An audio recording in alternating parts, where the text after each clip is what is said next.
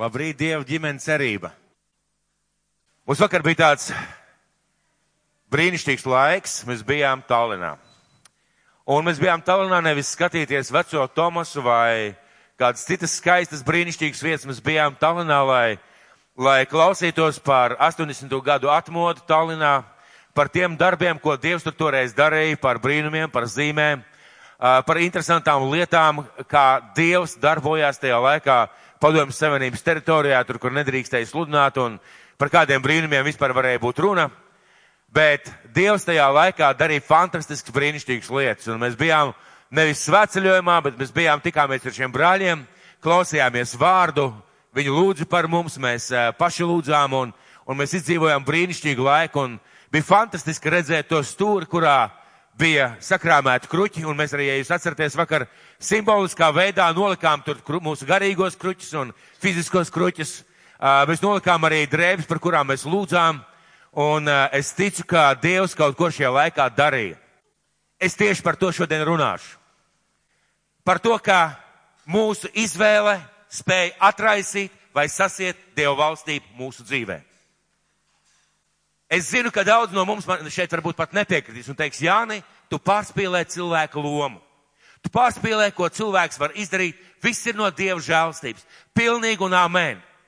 Bet ja Dievs ir teicis, dari, un ja mēs darām, mēs piedzīvojam Dieva valstību. Un ja Dievs teicis, dari, un mēs nedarām, mēs palaidām garām to, ko Dieva valstība mums ir paredzējusi.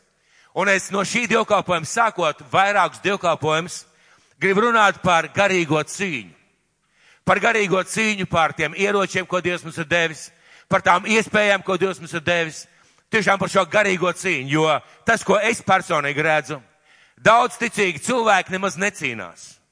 Viņi visu laiku cenšas dzīvot uz Dieva žēlastību, kas ir pareizi no vienas puses, un no otras puses, ja es teicu, lūdziet, un jūs dabūsiet, meklējiet, un jūs atradīsiet, un klaudziniet, un jums tiks atvērts.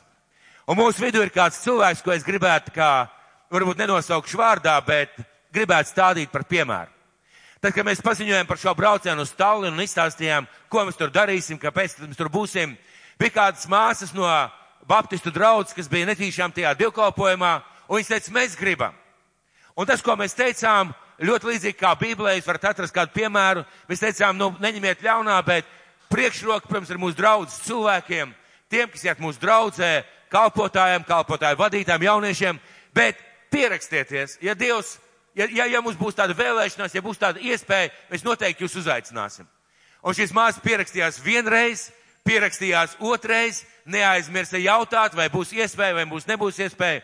Un pretēji kādiem cilvēkiem no mūsu draudzes, kas bija aicināti, viņas bija tās, kas nepārtraukt klauvēja. Un kā jūs domājat, vai viņas aizbrauca? Aizbrauca. Bet kā izvēle tā bija? Kristus vai viņu? Viņu. Un eh, es, protams, nebalstīšu vārdu, ar kuru šodien runāšu uz eh, šo piemēru. Es vienkārši to sapratu, kā tas strādā, vēlreiz apstiprinājās garīgajā pasaulē. Un Dievs mūs ir aicinājis ne tikai par Dieva bērniem, ne tikai par debesu valstības pilsoņiem, ne tikai par savu draugu vai savu miesu, ne tikai par priesteriem, par ķēniņiem, bet arī par Kristus karēviem. Vai tu dzirdi? Arī par Kristus karēviem. Un šeit neiet runa sieviete, vīrietis, maigāks radījums, raupjāks radījums.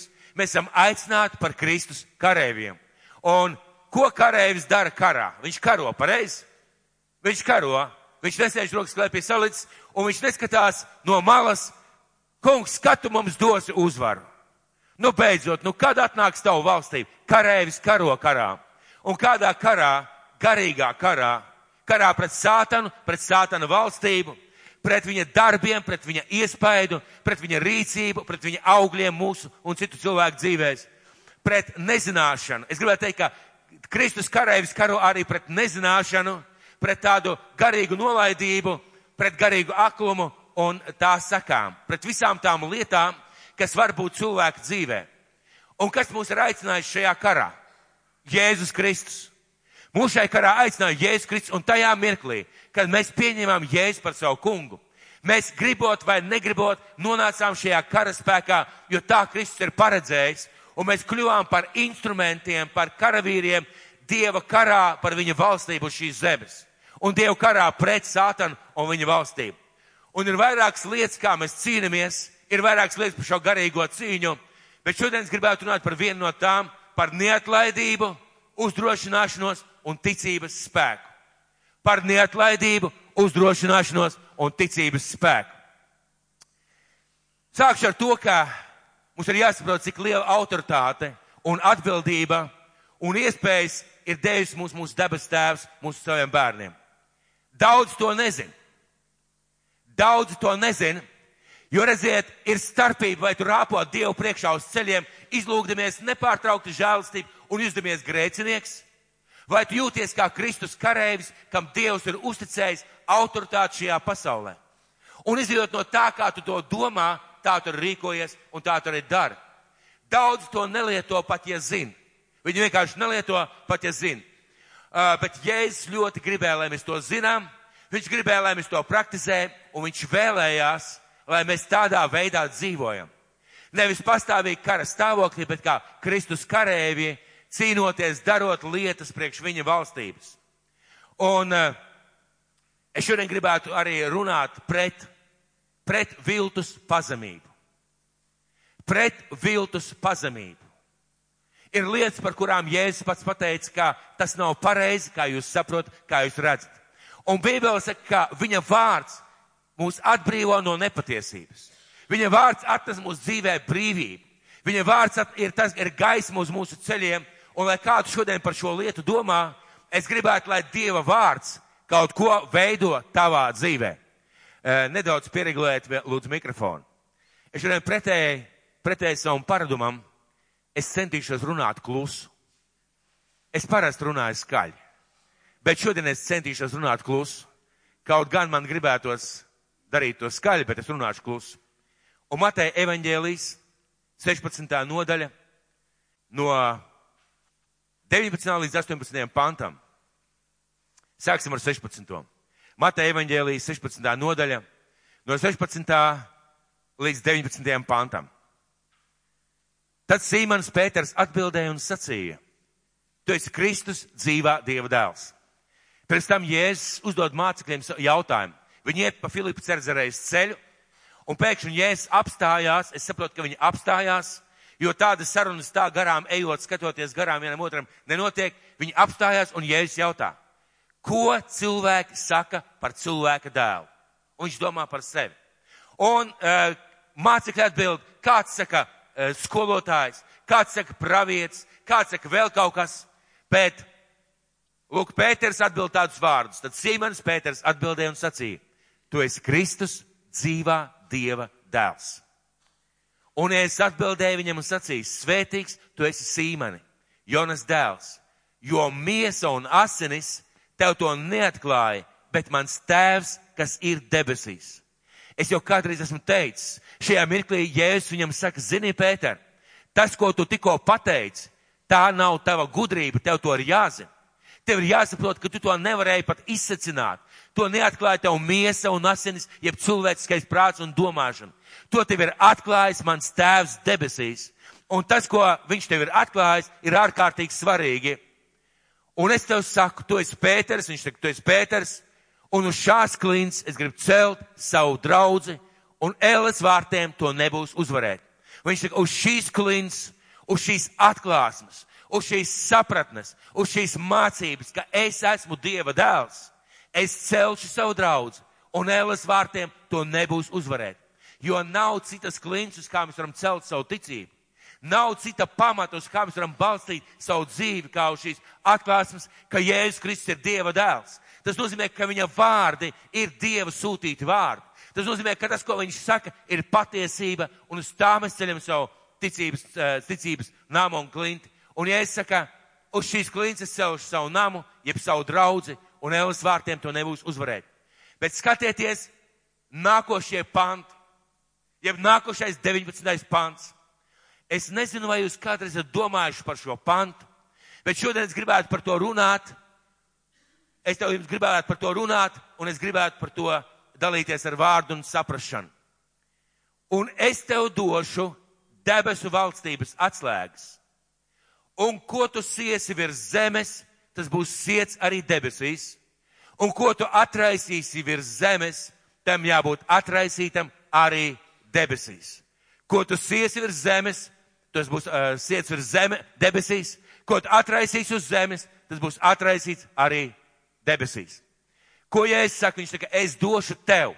Šis vārds tev nozīmē nevis Pēteri vienu, bet tas nozīmē katru ticīgu cilvēku. Jēzus saka, es došu tev šo autoritāti, šīs garīgās pasaules atslēgas. Es došu tev, lai tu ar viņām kaut ko darītu. Un šis vārds tev attiecās uz visu draudzi un uz katru ticīgu cilvēku. Debesu valstības atslēgas. Kas ir atslēgas? Ar atslēgām atslēdz un ar atslēgām aizslēdz. Tas ir kā instruments, ar ko mēs vai nu atrais, atslēdzam vai aizslēdzam. Un viņš tikai debesu valstības. Debesu valstība nozīmē garīgo pasauli. Debesu valstība nozīmē Dieva valstību. Debesu valstība nozīmē garīgos likumus un visas lietas, kas ir šajā kā buķitē iekšā. Un, uh, ja šajā vietā saka, es došu tev privilēģiju, es došu tev autoritāti, es došu tev spēku sludināt evaņģēliju, sludināt evaņģēliju, autoritāti kaut ko siet un kaut ko atraisīt. Es došu tev autoritāti, ja tu uz zemes kaut ko sasiesi, tad garīgajā pasaulē iedarbosies garīgie likumi. Ja tu uz zemes kaut ko atraisīsi, tad garīgajā pasaulē iedarbosies garīgie likumi. Un tas būs sasiets debesīs garīgajā pasaulē. Un Dievs ir tas, kas to darīs. Viņš to darīs pēc kā? Pēc tam, kad mēs siesim, kad mēs atraisīsim, kad mēs to darīsim, Dievs tālāk darīs savu daļu. Un ir svarīgi ieraudzīt, ir mūsu daļa un ir Dieva daļa. Ko tu siesi? Ko nozīmē, ko tu siesi? Man ir jautājums, ko tu siesi savā dzīvē, bet ko tu siesi? Autoritāti, ja vara šeit siet sātanu, tumsas spēkus, viņa darbus Jēzus vārdā. Jēzus vārdā. Un debesīs, ja mēs sasienam to šeit, Bībele saka, debesīs tas tiek sasiets. Garīgajā pasaulē tas tiek sasiets. Garīgā pasaulē tas tiek sasaistīts. Es šodien runāšu par ticības spēku, par drosmi, par uzdrošināšanos, par neapstāšanos, par ko Jēzus daudz mācīja un daudz sludināja. Bet, piemēram, es minēšu vienu piemēru, un kādā no dievkalpojumiem es runāšu par slavēšanu. Tā ir milzīga nelaime, mīļie brāļi un māsas ja mēs dievkalpojumā stāvam un nedziedam. Jo ziniet, kas notiek? Tajā mirklī, kad mēs dziedam, kad mēs izdziedam vārdus, piemēram, Jēzu, tu esi mans kungs, mēs savā garā, savā garīgajā pasaulē kaut ko atraisam. Bet ja es nostāvu ar cietu lūpām, gaidīdams, kad beigsies dziesma, vai iekšēji klusiņām kaut ko lūdzu, es sasienu to, ko Dievs tajā mirklī varēja darīt manā dzīvē. Un es nepārspīlēju. Es zinu, kā tas ir, kad es stāvēju slavēšanas laikā gadus desmit atpakaļ, un jūs neticēsiet, es saliku rokas aiz muguras, spītīgi nokāru galvu un teicu, debes tēvs, es tev pielūdzu, bet šāda dziedāšana man nav iespējama.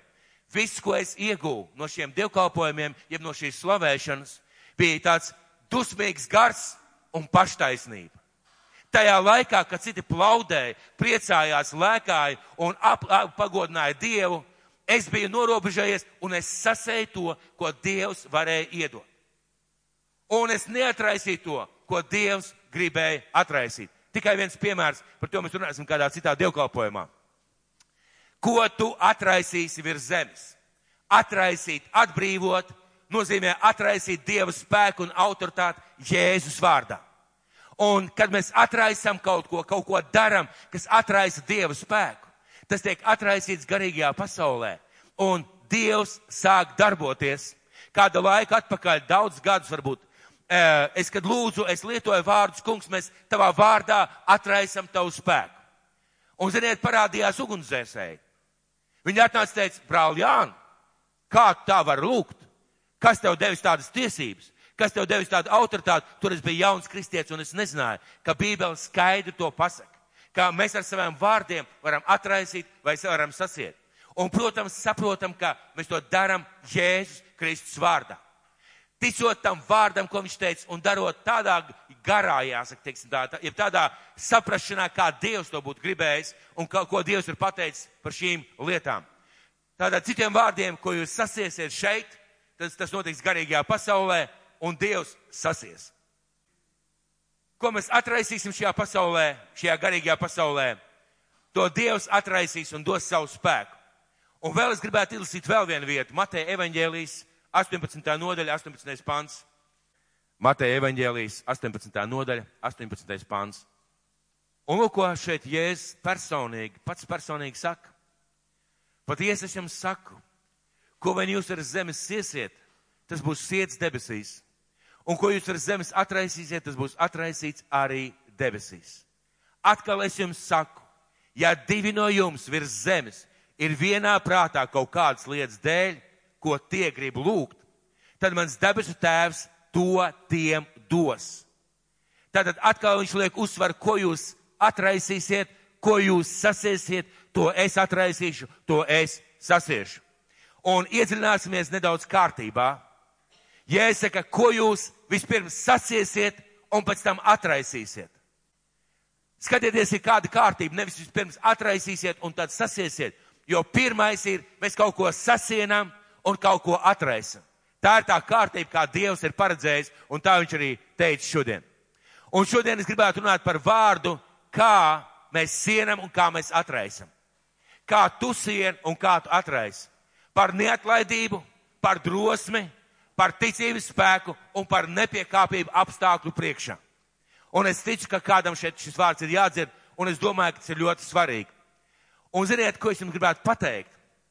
Var arī otrādi. Var arī otrādi. Nevis sasiet šeit, lai Dievs atrais, sasien debesīs, nevis atraisīt šeit, lai Dievs atraisa debesīs, bet atraisīt šeit no sātana valstības.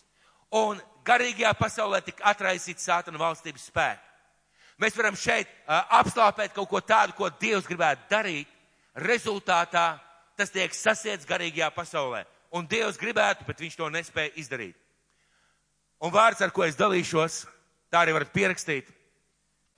Kliedz skaļāk un nepārstāj kliegt. Un es gribētu jūs aicināt pierakstiet. Pierakstiet šos vārdus, kliedz skaļāk un nepārstāj kliegt.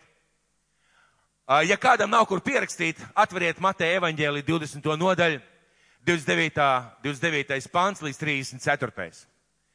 Mateja evaņģēlijas 20. nodaļa no 29. līdz 34. pantam. Un ja tev nav kur pierakstīt, pieraksti savus, savus bībeles lapus. Vienkārši pretīm šim pantam. Kliedz skaļāk un nepārstāj kliegt. Un lasīsim šo vietu, tad Mateja evaņģēlijas 20. nodaļa, no 29. līdz 34. pantam. Un, kad tie izgāja no Jērikas, daudz ļaužu tiem sekoja. Un redz, divi akli sēdēja ceļmalā. Kad tie dzirdēja jēzus garām ejam, tie brēca un sacīja, Kungs, tu Dāvida dēls, apžēlojies par mums. Bet ļaudis apsauc tos, ka tie klusu ciest Bet tie brēca vēl vairāk un sacīja, kungs, tu Dāvida dēls, apžēlojies par mums. Un Jēzus apstājās, piesauca tos un sacīja, ko jūs gribat, lai es jums daru. Un tie saka uz viņu, kungs, ka mūsu acis tiktu atdarītas. Jēzus, Jēzum palika viņa žēl, viņš aizskārto acis, un tie tūdaļ kļuva atkal redzīgi un viņam sekoja. Un kā tas saistās šodien ar mums? Kā tas šodien saistās ar tavu dzīvi? Tavā dzīvē ir lietas, kurām ir vajadzīgs Dieva pieskāriens. Tavā dzīvē šodien ir lietas, kurām ir vajadzīgs Dieva pieskāriens. Un tu sēdi kā tas aklais, nespēcīgais cilvēks ceļmalā, un tu gaidi, kad Jēzus beidzot paies garām. Bet ja viņš šeit katru dienu, viņš tev staigā garām turp un atpakaļ, un tu vienkārši sēdi un klusē. Tu vienkārši sēdi un klusē. Varbūt tu nezini, varbūt tev neviens nav pateicis, bet varbūt ir kaut kādas balsts, kas tev saka, neklaigā.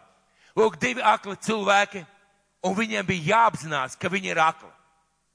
Svarīgi šiem cilvēkiem ieraudzīt, ka viņiem bija jāapzinās, ka viņi ir akli. Un tavā dzīvē tev ir jāapzinās, kāda tev ir problēma. Viņam bija jāapzinās, ka viņi bija akli. Un viņi dzīvoja kādā veidā, viņi dzīvoja ubagodam. Viņiem nebija sev jāiestāsta, mēs esam akli. Viņi, viņi dzīvoja ubagodami un viņi dzīvoja pastāvīgā tumsā. Un es gribu tev aicināt šajā mirklī. Aizvērsim uz kādām pāris sekundēm acis. Visi. Aiztaisiet visi acis. Un tagad iedomājies aiztaisīt acis. Tev vajag paēst, tev vajag apģērties, tev vajag parūpēties par sevi, tev vajag kaut ko izdarīt savā dzīvē. Padomā, kā tu jūties ar aiztaisītām acīm. Varat atvērt. Viņi dzīvoja tādā tumsā. Un mēs bieži vien dzīvojam tādā tumsā. Ļoti interesanti ir, ka viņi sēž šajā ceļmalā un viņu ubago. Un iespējams, iespējams, ja tur bija divi, tur bija vēl kādi. Un tagad es gribētu tevi izaicināt, padomāt, šie divi cilvēki sāka kliegt un saukt uz Kristu. Un ļoti iespējams, ka kāds tur pat blakus sēdēja un domāja, ko nu klaigās, ko nu pacels balss. Izskatās baigi nepieklājīgi. Un vispār mēs Dievu bērnu esam mācīti tā klusi un žēl, no, lēnā nožēlā. Un ja Dievs redz, un ja viņš gribēs, viņš noteikti to izdarīs. Izklausās dievbīgi, pareizi? Izklausās dievbīgi, ja Dievs gribēs. Un viņš taču visu redz, viņš noteikti izdarīs. Un zini, kas to saka? To nesaka Dieva gars. To saka vēlns un tava cilvēciskā daba. Un iespējams, ka pie šiem cilvēkiem bija vēl kāds, kas tur sēdēja, bet mēs lasām tieši par šiem diviem, tāpēc, ka viņi sāka kaut ko darīt. Un Jēzus iet garām, ir, ir tuvu. Un Jēzus ir arī šajā telpā, ir arī šajā vietā. Viņš iet no pilsētas uz pilsētu, un šie divi cilvēki sēž, sēž ceļmalā. Un ko šie cilvēki darīja? Viņi dzirdēja Jēzu garām ejam. Viņi bija dzirdējuši, ka Jēzus dziedina. Viņi bija dzirdējuši ar savām aklajām acīm un pēc ar ausīm, kas viņam bija, ka Jēzus var dziedināt. Viņi noteikti bija dzirdējuši, ko Jēzus dara. Saki man, vai tu šodien esi dzirdējis, ka Jēzus dziedina? Vai tu esi dzirdējis, ka Jēzus iedod darbu? Vai tu esi dzirdējis, ka Jēzus palīdz tik galā ar problēmām, ar grūtībām? Vai tu esi dzirdējis, ka Jēzus iedod dāvanas, talantus, spējas? Vai tu esi dzirdējis, ka Dievam ir labs plāns tavai dzīvei un ka Viņš tev mīl? Vai tu to esi dzirdējis? Es domāju, ka tu esi dzirdējis. Šie divi cilvēki bija dzirdējuši, bet viņi nepalika pie tā, ko viņi bija dzirdējuši, ka var, ka dara un ka viņš atbild, un mēs esam dzirdējuši. Bet tas viņiem nepalīdzēja. Tas viņiem nepalīdzēja, kad viņi bija dzirdējuši. Un ja tu esi dzirdējis tikai, un ja tava lūkšana ir tāda, kungs, lai notiek tavs labais prāts, un tu vairs neko nedari šīs lietas labā, tad tas nav pareizi. Esmu dzirdējis, kā cilvēks saka, lūdzu par kādu konkrētu lietu, debes tēvs, iedod man lūdzu man citu darbu. Debes tēvs svētī man ar kādām lietām. Debes tēvs dziedina man un beigās to visu nosvītro ar vārdiem, kungs, ja tas ir tavs prāts. Nu, ja tu to gribēsi, es ticu, ka tu to izdarīsi. Viņi patiesībā lūdz cīnās šo garīgo cīņu, pēc tam visu nosvītro un saka, Dievs, nu, vispār jau nav svarīgi, ko es teicu. Aizmirsti, Galvenais, kā tu izlemsi, tā ir. Es visam pakļaujos. Jā, protams, notiks Dieva prāts, bet vai Dievs nav teicis, ka viņš dziedina, ka viņš atbrīvo, ka viņš palīdz? Vai viņš nav teicis, ka viņš ir alfa un omega, ka viss sākās no viņa, beidzās ar viņu? Viņš to ir teicis. Tas nozīmē, ka viņam viss ir iespējams un mums ir tiesības lūgt. Un šajā vietā, ko mēs jau lasījām, kur divi vai trīs būs vienas lietas, vienas lietas dēļ vienā prātā, to es viņiem darīšu. Nu, lūk, mēs lasām tālāk šo notikumu.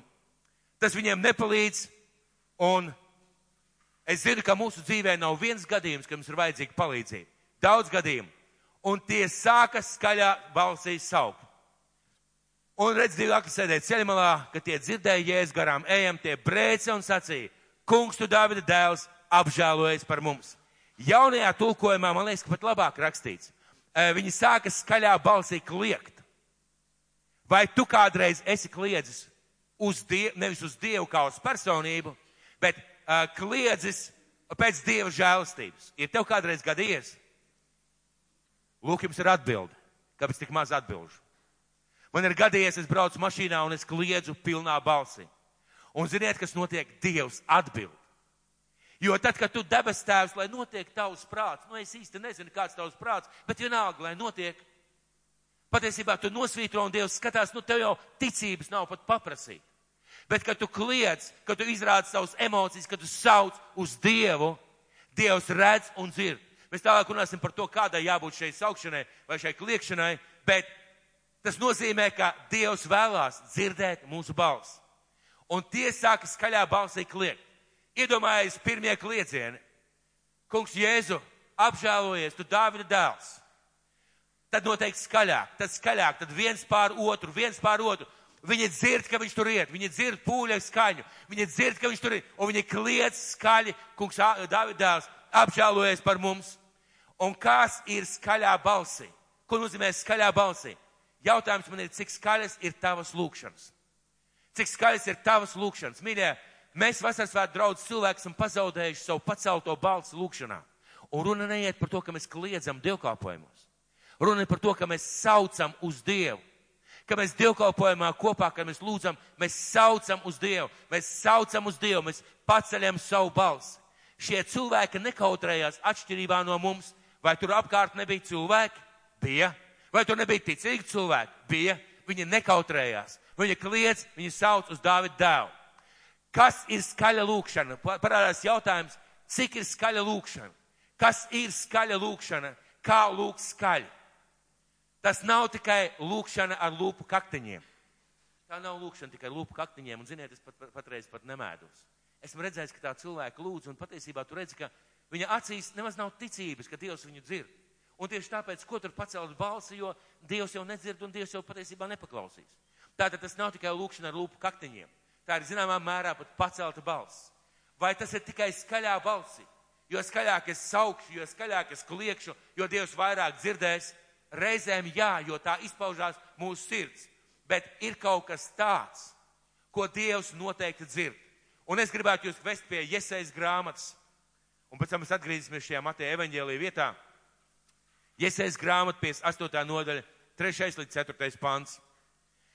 Un šajā iesaistas grāmatā, 58. nodaļā, Dievs runā ar Izraēlu tautu par to, ka viņi lūdza, ka viņi meklēja Dievu, ka viņi sauca uz Dievu, bet viņu motīva un viņu lūkšana bija tāda, ka viņi neizga, neuzgāja augstāk par, par cilvēka galvu. Neuzgāja augstāk par baznīcas sienām, ja tā varētu teikt. Vai tā var būt, ka Dievs tu lūdz un Dievs nedzird? Izrādās, ka var.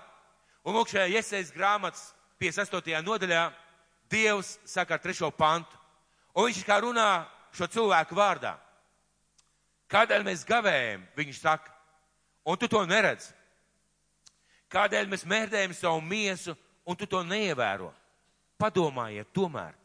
Tā ir dienā, kad jūs gavējat, jūs veicat tomēr visas savas darīšanas. Un piespiežat arī visus savus strādniekus darīt savu darbu. Padomājiet vēl, Jūs gavējat, lai būtu nesaskaņas un nevienprātības, un lai rupi varētu laist darbā dūras. Un uh, Dievs runā par to, ka tad, kad viņi gavēja, kad viņi meklēja Dievu, viņi darīja visus savus darbus. Viņi uh, šīs varbūt gavēšanas dēļ izturējās rupi viens pret otru. Viņu gavēšana bija miesīga vairāk nekā garīga. Un tad lūk, ko Dievs saka. Jūs negavējat tā, ka jūsu balss būtu dzirdama debesu augstumos. Lūk, vēl viens princips. Ne tikai skaļa balss, ne tikai skaļa lūk, bet kavēt tā un lūk tā, ka balss ir dzirdama debesu augstumos. Un es ticu, ka tas ir pirmām kārtām pacelta balss, otrām kārtām tīra sirds un tīras rokas. Tīra sirds un tīras rokas. Un patiesa vēlēšanās saņemt no Dieva. Jā, tad varbūt tu skaļi neklieks. Varbūt tajā mirklī tu skaļi nesauks, Bet ja tu būsi darījis visu, lai tavs sirds būtu tīra, būs nožēlojis grēks, būs atlicis kaut kādas lietas, tu būsi nokārtojis kaut kādas lietas, jo tev ļoti vajag, lai Dievs dzird tavu balsi. Tad tajā mirklī tavu balss būs dzirdama debesīs.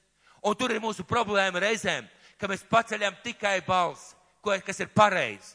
Bet, ka mēs paceļam tikai balsi, nevis savu sirdi. Un ka Dievs bieži vien nedzird mūsu lūgšanu, kas paceļās augstāk par griestiem. Ko nozīmē skaļi saukt? Ko nozīmē skaļi lūgt? Tā bija redzama pazīme. Redzama pazīme, ko cilvēki dzirdēja, ko cilvēki redzēja. Izlasīsim varbūt vēlreiz. Tie saka uz viņa kungs, ka mūsu acis tiktu atdarīts. Jēzum palika viņu žēl, viņš aizskāra to acis, un tie tūdaļ atkal redzēja. Tūdaļ kļuva atkal redzīgi, un viņam sekoja. Šo cilvēku dzīve pēc šo Jēzus pieskārienu viņu acīm, viņi daudz stiprāk uzticējās Dievam. Lūk, viens no atgriezeniskās saites ķēdēm, jeb momentiem, jeb gredzeniem, sauciet, jeb posmiem, sauciet, kā gribiet, kad Dievs atbild tādu tavu lūgšanu. Tu kļūsti ticīgāks, tu kļūsti stiprāks viņam sekot, jo tu saproti, ka šī garīgā cīņa ir izcīnāma. Un tas, ko es jums gribētu šodien pateikt, mīļie brāļi un māsas, mūsu katra dzīvē, Jēzus ir devis šo autoritāti. Ko jūs sasietiet virs zemes, tas būs sasiets debesīs garīgajā pasaulē. Un ko jūs atraisīsiet, tas būs atraisīts garīgajā pasaulē. Kādā citā dievkalpojumā mēs runāsim par vārdiem, kādā dievkalpojumā mēs runāsim par slavēšanu, un kādā dievkalpojumā mēs runāsim par ziedojumiem, ja par finansēm. Bet es gribēju šodien sākt ar šo te kliekšanu, saukšanu, neatlaidību, paļāvību, ticību un ticības spēku. Jo, manuprāt, tas ir tas, kas mums visiem vajadzīgs visās lietās. Gan ziedošanā, gan slavēšanā, gan visās pārējās. Ko jūs siesiet, tas būs siets, ko jūs atraisīsiet, tas būs atraisīts. Un uz šo saucienu, ja es atnācu, pieskārās un dziedināju.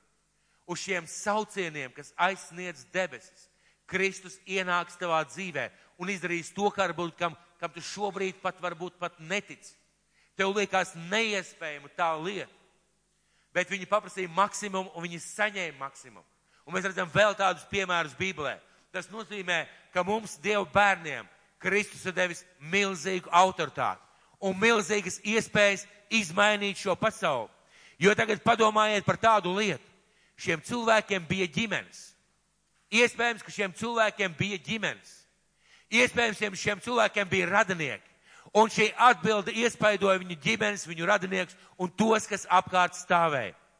Tas nozīmē, ka mana atraisīšana un sasiešana, jeb sasiešana un atraisīšana, izmaina arī cilvēku dzīves, dzīves apkārt. Un eh, es gribētu, ja tu man noticēji, ja tu man noticēji, viena lieta ir Dieva vārds, otra lieta ir praksa. Ja tu man noticēji tam, ko es šodien teicu, ja tu noticēji Dievu vārdam, kā Dievu vārds šeit rakstīts, es gribētu šodien aicināt tevi kliegt uz debesīm. Un es aicināšu mūs visus uz, uz lūkšanu. Un pirms mēs lūksim, izvēlies vienu lietu, ko tev visvairāk vajag. Neliec tajā saujā visas pasaules jautājumus un problēmas, izvēlies vienu lietu, ko tu, uz ko par kur tu gribi saukt un kliegt uz debesīm. Izvēlies šo vienu lietu. Un uh, es ticu, ka Dievs šajā mirklī dzirdēs un redzēs tavu vajadzību. Un lūk, tev izaicinājums, lūk, tas, uz ko es gribēju šajā divkalpojumā jūs vest, ka mēs šodien šeit un tagad apzināmies kā sevi kā šie aklie cilvēki, un ka mēs paceļam savu balsu uz debesīm, un ka mēs saucam uz Dievu, un ka mēs mājās aizgājuši nepārstājam saukt, turpinam saukt uz Dievu un sienam to, kas ir mūsu dzīvē nepareizs, un atraisam Dievu valstību.